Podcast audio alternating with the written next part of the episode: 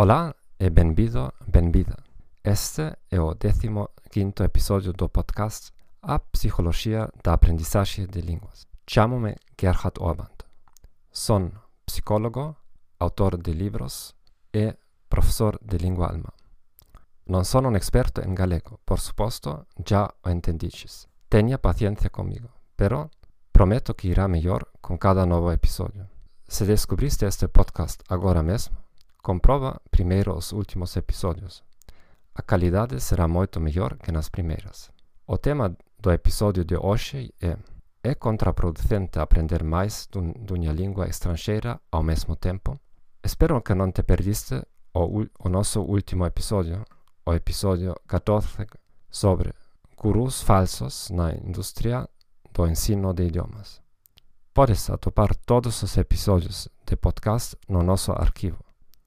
Se queres escutar este podcast noutro idioma, visita o nosso sítio web thegomethod.org/podcast. Saboteas o teu próprio êxito na aprendizagem de uma língua estrangeira e estás a perder o teu tempo e cartas por atividades improductivas, descubra, descubre os 21 erros que cometi nos últimos 20 anos e aprende a evitá-los lendo o meu mais novo livro, 21 Self-Limiting Beliefs in Learning a Foreign Language Smashed.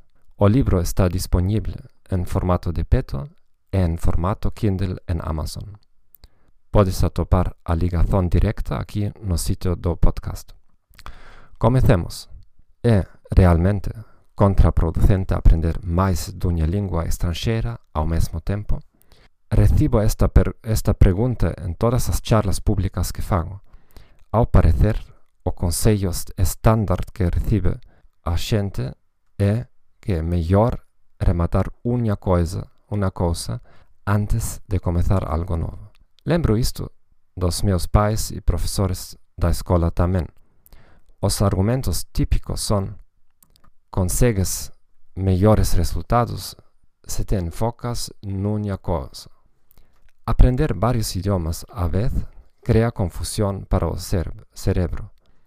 Misturarás palavras dessas línguas e acabarás falando com muitos erros. Com isto, há vários problemas. Aprender idiomas é como cultivar árvores. Tomam o seu próprio tempo para crescer.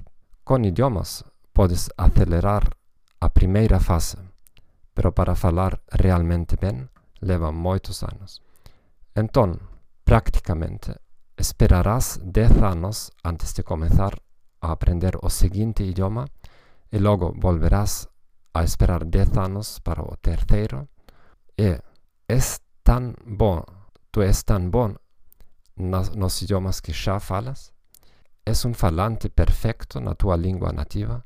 É dizer, podes hoje começar a trabalhar no teatro ou a nível de TV? Ten, tens, polo tanto, o permisso para começar um novo idioma? Então, desde a minha própria, própria experiência e desta observação de outros, sempre cometerás erros, não importa como aprendiste essas línguas. A maioria de nós aprendimos só uma língua estrangeira à vez na escola. E os resultados são bastante pobres.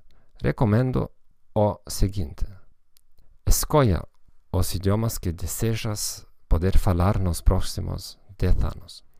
Configura uma rotina diária para eles, 5 a 10 minutos como máximo por idioma Documenta os erros típicos que cometes, onde misturas essas línguas, e terás uma lista de erros típicos para trabalhar para aprender.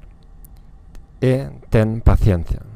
Se desejas mais informação sobre o processo, consulta o meu livro The Go Method. A ligação também está aqui na página web. Graças por escutar o 14 episódio de a psicologia da aprendizagem de línguas. Espero que esta informação te ser, servisse de ajuda. Subscreve-te a nossa canal em Spotify, seja o teu serviço favorito. Recoméndanos aos teus amigos e companheiros. Como prometi antes, a parte linguística, o meu galego melhorará com as próximas semanas. Todo o melhor e adeus.